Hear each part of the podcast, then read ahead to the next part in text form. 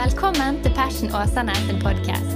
Vi har en ung og levende kirke i Åsane bydel i Bergen som ønsker å lede mennesker til lidenskapelig tro og overgivelse til Jesus, kirken og oppdraget. Takk for at du lytter til vår podkast, og vi håper du blir oppmuntret og utfordret i din etterfølgelse av Jesus.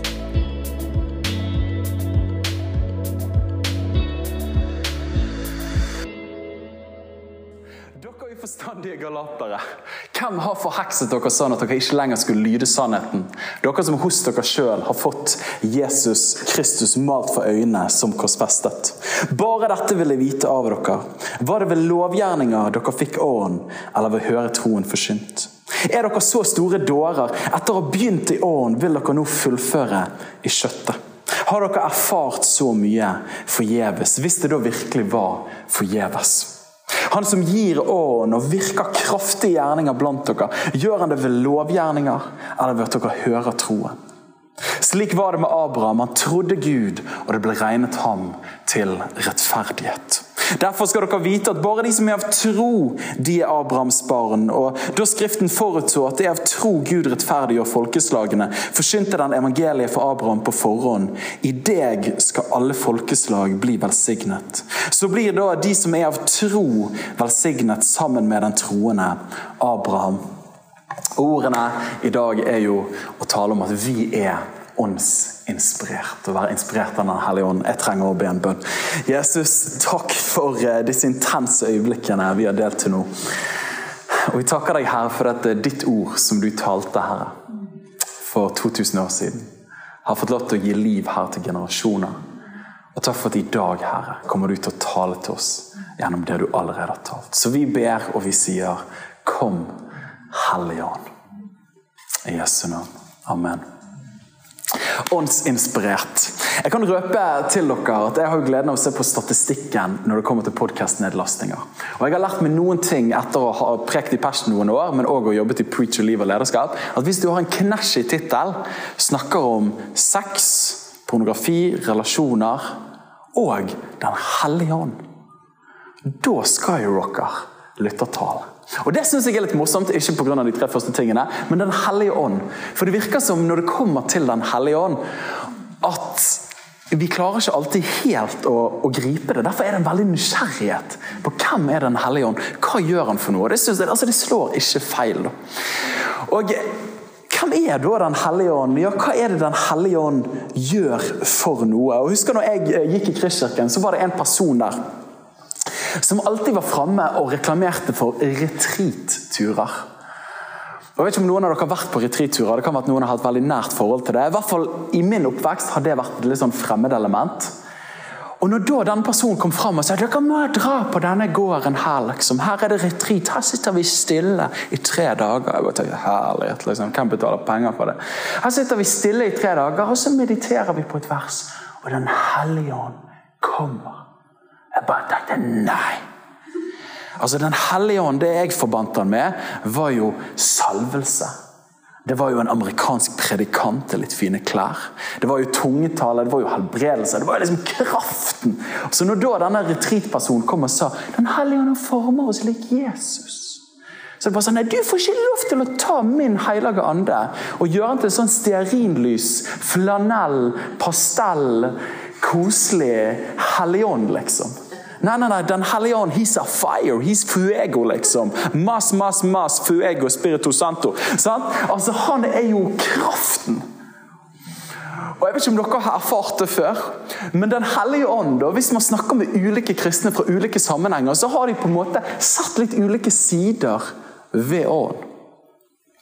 Så hvis man da møter, sånn som i mitt tilfelle her, en litt sånn kontemplativ person, som liker de monastiske tradisjonene, tidebønn og stillhet, så fokuserer det på at Den hellige ånd former oss lik Jesus gjennom disse tingene. Og Så kommer jeg med litt sånn pinsekarismatisk bakgrunn og bare sier nei! Den hellige ånd, it's kraft, liksom. Sånn som vi leste om her i dag. Kraftige virkninger. Erfaringer. Og så har vi de evangelikale, kanskje i USA, med liksom parallell bedusbevegelsen i Norge. Der Den hellige ånd primært så er han den bønnen du ber før du åpner din bibel for å lese ditt daglige brød. Hellige ånd, åpenbar Skriften for meg. Og Den hellige ånd da blir tatt til inntekt for ulike forståelser. Og ulike tradisjoner vektlegger ulike ting ved Den hellige ånd. Og Det er jo synd å si det, men i den tredje trosartikkel så sier vi at vi tror på Den hellige ånd. Og det sier alle kristne. Men i praksis blir det ofte dessverre likevel Den hemmelige ånd. Eller jeg tror på Gud Fader, Guds Sønn og Den hellige Bibel. Så blir Den hellige ånd X-faktoren. Og Derfor trenger vi å snakke litt om Den hellige ånd. For hvem sitt lag er Den hellige ånd sånn egentlig på? Og hva gjør Den hellige ånd? Og Det skal vi snakke om i dag. Og litt til å begynne med, En liten sketsj på åndens historie. For at Den hellige ånd, Når vi møter den i dag, så tenker vi apostelens gjerninger, det andre kapittelet fort. Der ble kirken født. Der kom Den hellige ånd, det begynte å riste. Det var et voldsomt uvær, så kom det ildtunger. Men Den hellige ånd, hvordan var det for de første jødene, det som fant sted der? Og Når Jesus snakket i Johannes 7 om at folkens, de som tror på meg, fra deres indre skal flyte strømmer av levende vann. Hva tenkte de da? For Den hellige ånd møter vi helt i begynnelsen av skapelsesberetningen og vår bibel. Der står det om Den hellige ånd at han svevde over vannet. Og Den hellige ånd var da med helt fra begynnelsen, og så formet han kaoset, det mørke, det uformede. Var med å forme til, til kosmos, som det heter på fint. Og Vi leser gjennom Det gamle testamentet at dommerne hadde Den hellige ånd, så de kunne dømme rett. Profetene hadde Guds ånd, så de kunne høre hva Guds vilje var inn mot folket. Kongene, husker dere kong David, kong Saul? Den hellige ånd kom over de, så de kunne regjere. Men Den hellige ånd var da forbeholdt de få og ikke de mange. Så det var ikke sånn at alle kunne kjenne Den hellige ånd. eller Alle hadde et forhold til han, men det var de få. Og som jeg har pleid å si av og til, God's man of power for the hour. Det var de få, de utvalgte. Og så måtte alle de andre få second hand revelation gjennom de andre. Men gjennom Det gamle testamentet så lærer vi om Den hellige ånd.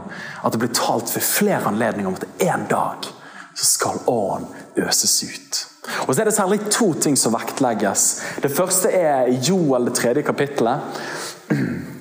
Og Da sier Joel at i de siste tider jeg siterer da i direkte tale fra Gud, skal jeg øse min ånd ut over alt skjød. Deres sønner og deres døtre skal se syner. Altså med andre ord, Ikke bare profetene og dommerne lenger skal kjenne Gud, men til og med sønnene og døtrene deres. Ja, Så står det til og med de gamle menn skal kjenne Gud. Det var jo heftig. Men som om ikke det var nok, ja, til og med over deres tjenere og tjenestekvinner. Med andre ord, alle mennesker i samfunnet skulle få kjenne Gud, for alle skulle ha Guds egen ånd. Og Vi forstår ikke det helt, men i den jødiske konteksten så var jo dette her mind-blowing. For å bruke et godt nynorsk ord. For jeg tenk at jeg skulle få kjenne Gud personlig. Men så står det òg en del løfter, og i Esekiel 36 er et av hovedstedene. Der står det at, at jeg vil øse ut min ånd. Og jeg vil gi, ta ut steinhjertet og gi dere et kjøtthjerte. Og jeg vil skrive min lov på deres hjerte. Hva var greien? Jo, ikke bare skulle man kjenne Gud ved Den hellige ånd, men man skulle leve på en måte som var til behag for Gud. Det er to av hovedelementene vi ser gjennom Det gamle testamentet. Så det at når Jesus snakket med disiplene at de skulle vente i Jerusalem til de hadde fått Den hellige ånd, så var jo dette her helt drøyt for dem. Jeg skrev i notatene mine, De begynte sikkert nesten å dryppe fra munnen sin, for de forsto ikke helt hva dette var for noe. For dette var jo det heltene deres på sabbatsøndagsskolen hadde hatt, de få. Men nå sier Jesus alle skal få det. Det var jo helt utrolig. Dette var jetpacken, X-faktoren, dynamitten som de bare hadde lest om, men som de aldri trodde de kunne få. Men nå skulle de få det. Og Jesus er så drøy faktisk, at han sier i Johannes det 16. kapittel og 7. vers han sier, Likevel sier jeg dere sannheten, for de var lei seg for han skulle dra. Så sier han det er det beste for dere at jeg går bort. For hvis jeg ikke går bort, kommer ikke talsmannen til dere. Men hvis jeg går bort, skal jeg sende han til dere. Dette her er jo helt utrolig drøyt. Nemlig det at nå har vi fått Den hellige ånd til å kjenne Gud alle sammen, og til å kunne vandre til behag for Han. Og jeg tror, og tenker for min egen del, jeg tror vi fort glemmer det vi sier i bekjennelsen, men vi tror på Den hellige ånd. Jeg tror vi fort kan glemme det, og da går glipp av det rike livet som finnes i kristenlivet. På grunn av at vi glemmer Den hellige ånd. Så hva gjør da Den hellige ånd? Jo, det første jeg har lyst til å si, er at Ånden viser oss evangeliet. Og Nå kunne vi snakket om flere forskjellige ting, her, men jeg tror tre hovedting som Ånden gjør, og som er de verdiene vi har snakket om i det siste, er at Ånden viser oss evangeliet. Vi leste i det andre verset i Galaterne 3. Bare dette vil jeg vite av dere. Var det ved lovgjerninger dere fikk åren? Var det ved at dere prøvde så godt dere kunne? Eller var det ved å høre troen forsynt? Altså var det å høre evangeliet? Er dere så store dårer etter å ha begynt i åren, vil dere nå fullføre i skjødet? Med andre ord, det er ved tro på evangeliet alene på hva Jesus har gjort for oss, at han døde for oss synder og oppsto til vår rettferdiggjørelse. Det er ved å tro evangeliet at vi får Den hellige ånd. Med andre ord, det å få Den hellige ånd er bare ren skjær nåde. Det er ikke pga. at man var litt flinkere enn naboen i bibelkunnskap. Det er ikke pga. at man var litt flinkere å gi penger, men det var pga. at man trodde evangeliet. Tok imot Guds nåde. Og så står det at 'fikk dere ånd ved at dere var flinke med lovgjerninger, eller bare tok imot evangeliet'. Så vi får Den hellige ånd ved å tro evangeliet. Men mer enn det, det er òg Den hellige ånd som åpenbarer evangeliet for oss. Hva er det jeg egentlig prøver å si her? Jo, jeg prøver å si at, at Den hellige ånd alltid tar oss tilbake til evangeliet. Det er Den hellige ånd som i utgangspunktet åpenbarer evangeliet, sånn vi kan forstå det og ta imot det. Men òg når vi har begynt å forstå evangeliet og tro på Gud, bare ved tro og ikke ved gjerninger, hva er frukten av det? Frukten av det er at vi får ta imot mer av Den hellige ånd. Tok dere den? Så Den hellige ånd er alltid evangeliesentrert. Han er alltid tatt på evangeliet. Jesus sier det i Johannes 16 i det 12. verset. Han sier at 'jeg har ennå mye å si til dere, men dere kan ikke bære det nå'. Men når Han, sannhetens ånd, kommer, skal han veilede dere til hele sannheten. Hør på det. Han sier at Den hellige ånd skal lede oss til hele sannheten. For han skal ikke tale ut fra seg sjøl, men det han hører, skal han tale. Og han skal forkynne de ting som skal komme. Han skal herliggjøre meg, sier Jesus. For han skal ta det som er mitt, og forkynne det for dere. Alt det som min far har, er mitt. Derfor sa jeg at han skal ta av det som er mitt, og forkynne det for dere. Og Av og til skal man møte på den frykten for Den hellige ånd. Og Det kommer litt an på hvilken tradisjon man kommer fra. og jeg må si mer og mer om årene, Jeg er så utrolig glad i hele Kristi kropp. Altså Den har ulike åpenbaringer, ulike fasetter, men jeg elsker hele kroppen. Men i noen deler av menigheten så kan man av og til bli litt sånn redd for Den hellige ånd. Jeg husker en gang jeg, jeg eh, var, hørte en bibelunderviser, og det var knallbra. Forkynte om nådegavene. Men det var nesten sånn når man forkynte om nådegavene åndens gaver, så man var liksom redd for å nevne Den hellige ånd. Det var bare sånn, men han peker oss til Kristus. Han peker oss til Kristus, Og det er helt sant. Men det var nesten sånn det var sånn, Hellige ånd, Jesus. Det var som Man var redd for å bare berøre Den hellige ånd. Og Det skal vi ikke være. Hvorfor det?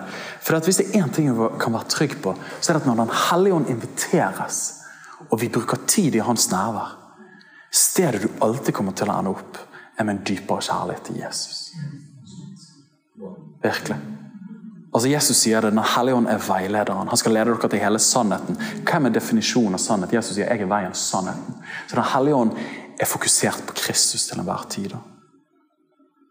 Og så er jo det, sånn som jeg har sagt, at Man kan bli litt sånn redd for Den hellige ånd. og Lyttetallet er større når det kommer til Den hellige ånd. For han, han, har ikke en skikkelse, han gikk ikke på jorden, vi har ikke en biografi osv. Men hvis du ser for deg pinsebevegelsen som begynte 9.4.1906 i Azusa Street så har man vært litt sånn ambivalent til disse pinsevennene av og til. I hvert fall tidligere, fram til liksom 60-70-tallet. Og Så kan man si nei, men det var et skikkelig bomskudd det der med Den hellige ånd. altså. Altfor ubalansert fokus. Men vet du hva? Vet du hva følgen av det som skjedde i Azusa Street er? Er at vi har sett den største misjonsbevegelsen vi noen gang har sett i verdenshistorie.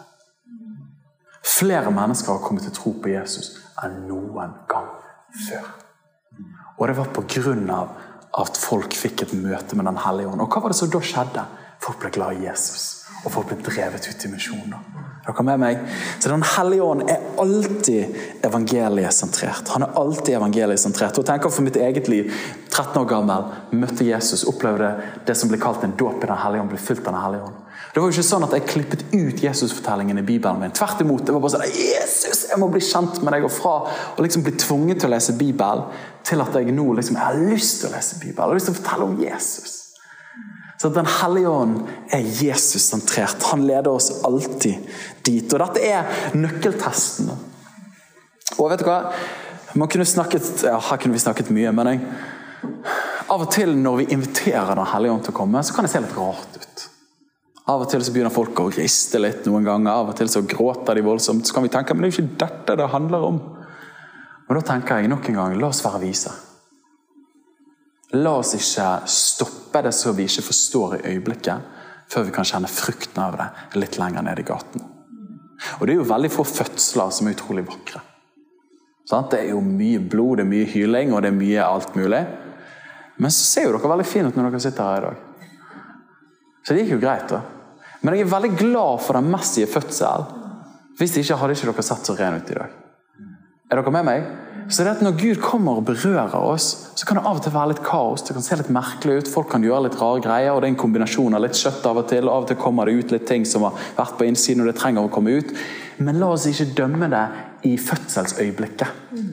La oss ta og dømme det litt lenger ned i gaten når vi ser frukten av det.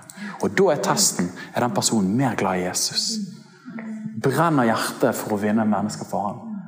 Da kan vi være sikre på at det var et verk av Den hellige ånd. For han leder oss alltid til Jesus. Og han leder oss alltid til evangeliet og en relasjon med Gud. Og Nå kan det være at noen liksom, kontemplative kristne jubler og sier de, ja, det jeg visste. Han leder oss alltid inn i et fortrolig samfunn. Han leder oss inn i den transformerende relasjonen til Gud ved Den hellige ånd som gjør oss lik Kristus.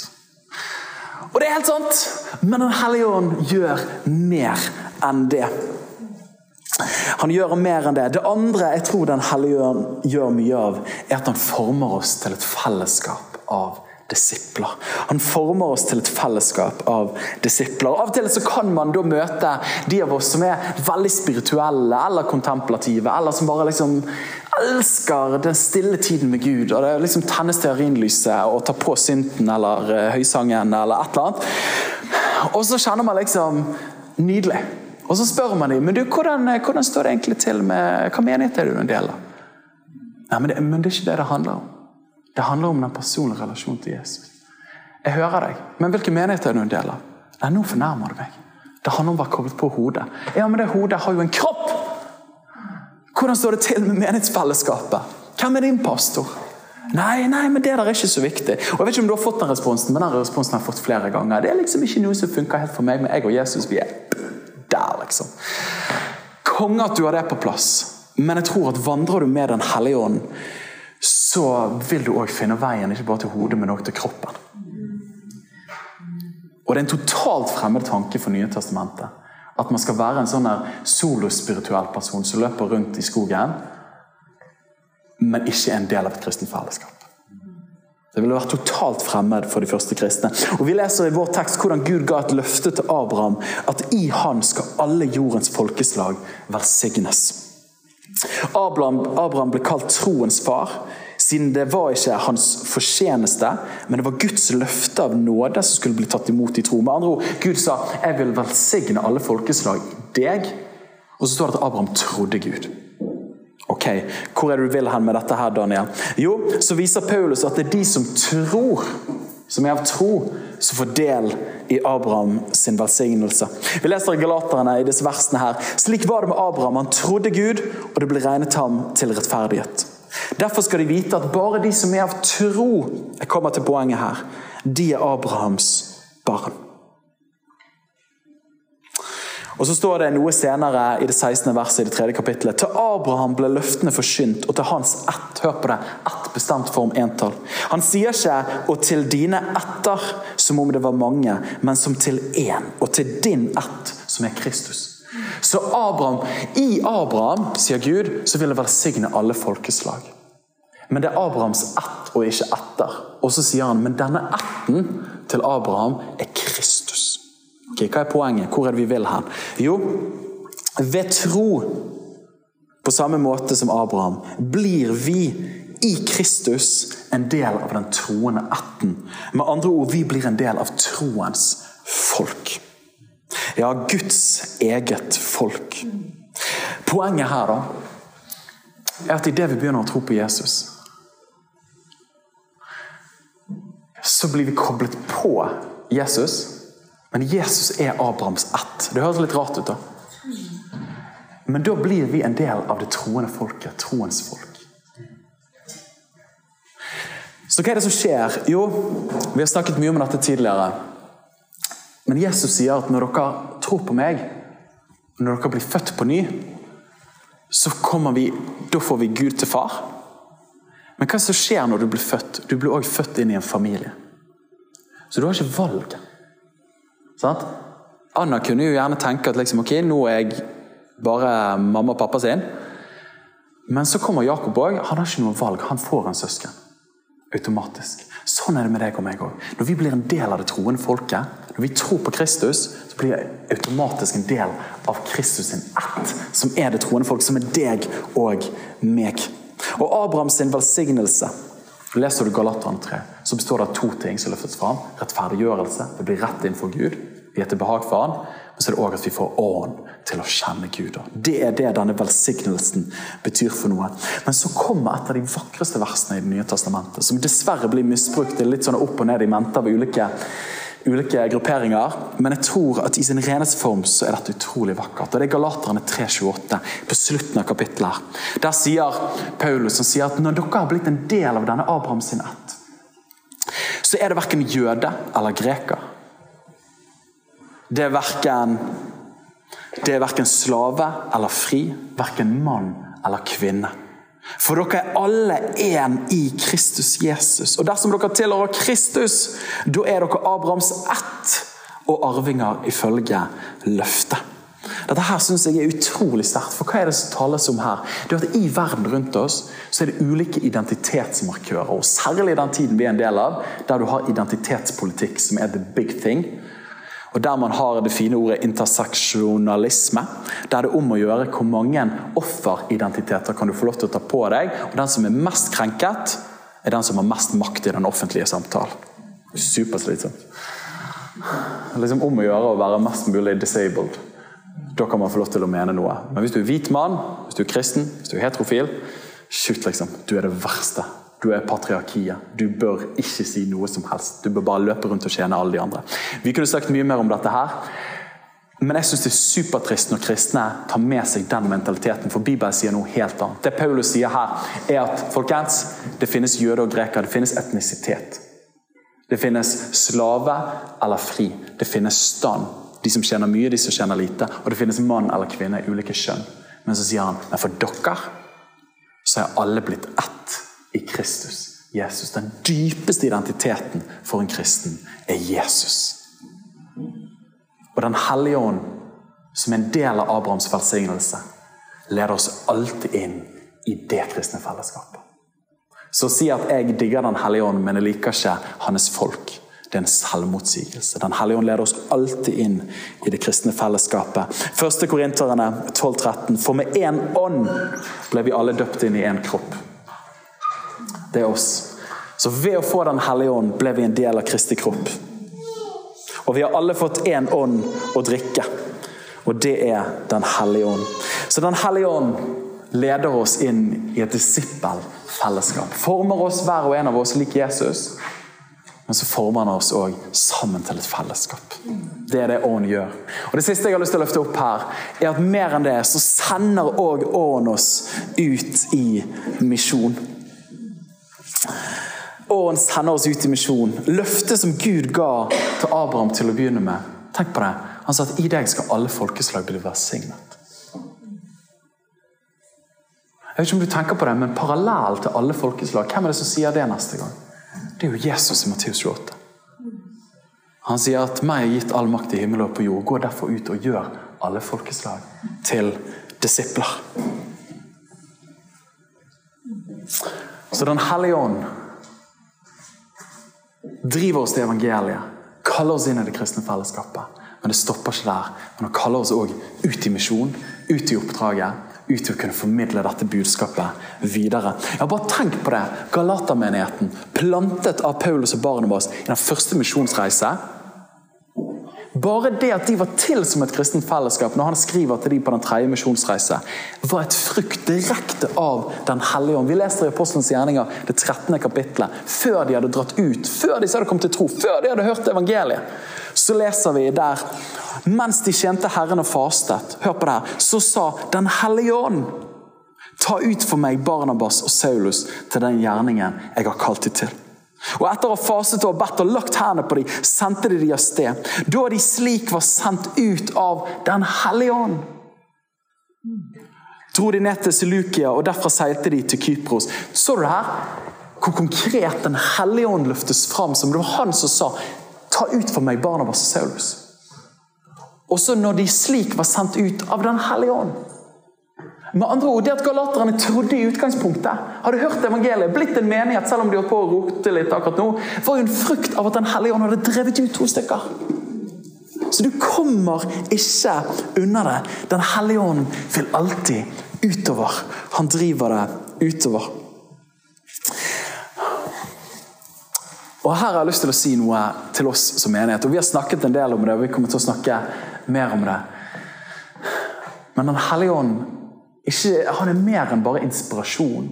Han er mer enn han som bare gir oss visdom i en samtale med noen, selv om det er knallbra, og det ber vi om enda mer om. Men Den hellige ånd er òg den kraften som kan erfares. Vi leste i våre vers i dag han som virker kraftige gjerninger iblant dere. Og Så sier han har dere erfart alt dette forgjeves. Fikk du med deg de to ordene der?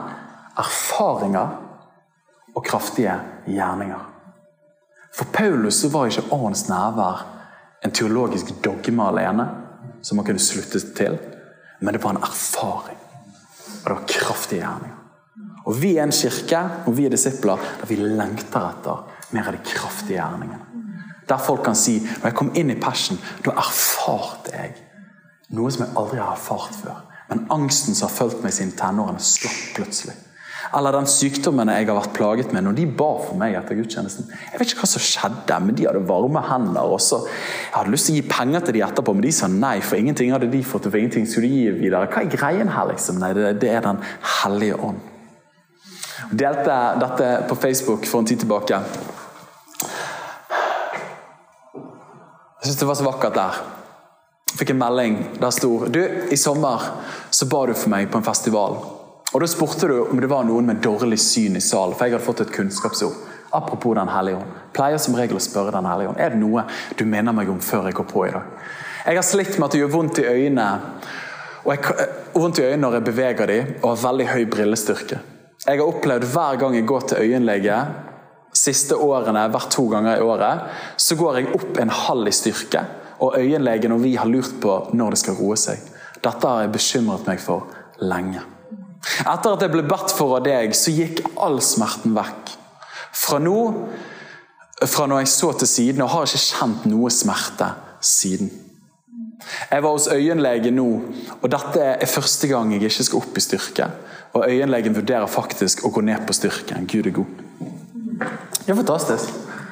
Tenk at vi får lov til å kjenne en sånn Gud, som ikke bare er en trøst for tanken, men som kan gripe inn med kraftige gjerninger, så folk kan få en erfaring at han er virkelig, at han elsker oss. Tenk på det. tenk på det. Så Den hellige ånd, hvem sitt lag er han på? Vi må jo avslutte der. Den hellige ånd er ikke på noen sitt lag. Spørsmålet er om vi er på Den hellige ånd sitt lag. Og hva er det Den hellige ånd gjør? Jo, Den hellige ånd han viser oss alltid evangeliet. Han peker oss alltid tilbake til Jesus. Det er lakmustesten. Tar han oss til Kristus? Og La oss ikke dømme det på en støyelytt og grisete fødsel i øyeblikket, men la oss dømme det på livet i lengden. På frukten. Og Den hellige ånd driver oss òg inn i det kristne fellesskapet og former oss til disipler sammen. Og Det siste er Den hellige ånd driver oss ut i misjon. Og Vi sier det i den tredje trosartikkel. Jeg tror, vi tror på Den hellige ånd. Jeg har lurt på, når jeg satt og forberedte denne forkynnelsen her, jeg lurer på om jeg må begynne å bare si det til meg sjøl nesten daglig hver morgen. Jeg tror på Den hellige ånd. For det gjør noe med blikket, det gjør noe med forventningen. At det er ikke bare en vanlig dag. Det er ikke bare at jeg og Gud, jeg har fred med Gud, og så en dag skal jeg hjem. Nei, jeg tror på Den hellige ånd som griper inn i dag. Som taler i dag, som helbreder, som gir kunnskapsord, som gir erfaringer, som gjør mektige gjerninger. Den kjente predikanten Charles Spurgeon, som ble kalt The Prince of Preachers på 1800-tallet i England. Det står i biografien om han at opp til talerstolen hans, sånn som vi har tenkt å bygge her, så var det ti trinn. Og så sier historien at for hvert trinn han gikk opp, så sa han til seg sjøl I believe in the Holy Spirit. I believe in the Holy Spirit. Jeg tror på Den hellige ånd. Jeg tror på Den hellige ånd. Bare for å bevisstgjøre for seg sjøl at det er ikke mine ord jeg skal formidle nå, men Gud kommer til å tale. Og en ting er, så kan du tenke at men Det er greit for deg, Daniel, men tenk når vi drar på jobbene våre som lærere, som ledere, som butikkmedarbeidere. Tenk om vi kunne sagt det idet vi går inn på jobben vår. Jeg tror på Den hellige ånd. Alt kan skje i dag, for Gud har kommet nær. Jeg tror at hvis vi hadde gjort det, så tror jeg det hadde gjort noe med vårt blikk, vår forventning, vår lydhørhet. Som òg hadde vært med å åpne opp for at mennesker kunne høre evangeliet og få en smak av Guds kjærlighet. Er dere med på den? Siste Paulus sier er i Tessalonikerne. Han sier 'utslokk ikke ånd'. Utslokk ikke ånd. Måtte vi være kristne og et fellesskap som ikke slokker ut Den hellige ånd, men som sier 'vi tror på Den hellige ånd'. Velkommen. La oss ta og be til Gud sammen til slutt. Jesus, vi takker deg for din hellige ånd. Hvis du har lyst til det, så kan du bare forsiktig ta hendene dine fram. Og så ber vi en bønn om, at, om en ny åndsfylde i livene våre. Hmm. Hmm. Hellige ånd, vi takker deg for at du er livgiver. At du er veileder. Takker deg for at du er alt, Hellige ånd. Her, nå ber jeg for hver og en av oss som er her inne. Og ber for oss som et fellesskap. Vi sier vi tror på deg, Den hellige ånd. Og vi sier 'Kom, Hellige ånd'. Hjelp oss å se, høre og følge din ledelse i våre liv. Og Herre, gjør oss vis så vi ikke utslukker det du ønsker å gjøre iblant oss. I Jesu navn. Amen. Takk for at du lyttet til vår podkast. Hvis du synes den var bra, så del den gjerne med noen flere. Vil du vite mer om hvem vi er, hva som skjer, og kanskje besøke en av våre gudstjenester, se vår nye hjemmeside på fashionåsane.no, eller følg oss på sosiale medier. Helt til slutt, ta imot Herrens velsignelse. Herren velsigne deg og bevare deg. Herren la sitt ansikt lyse over deg være deg nådig. Herren løfter sitt åsyn på deg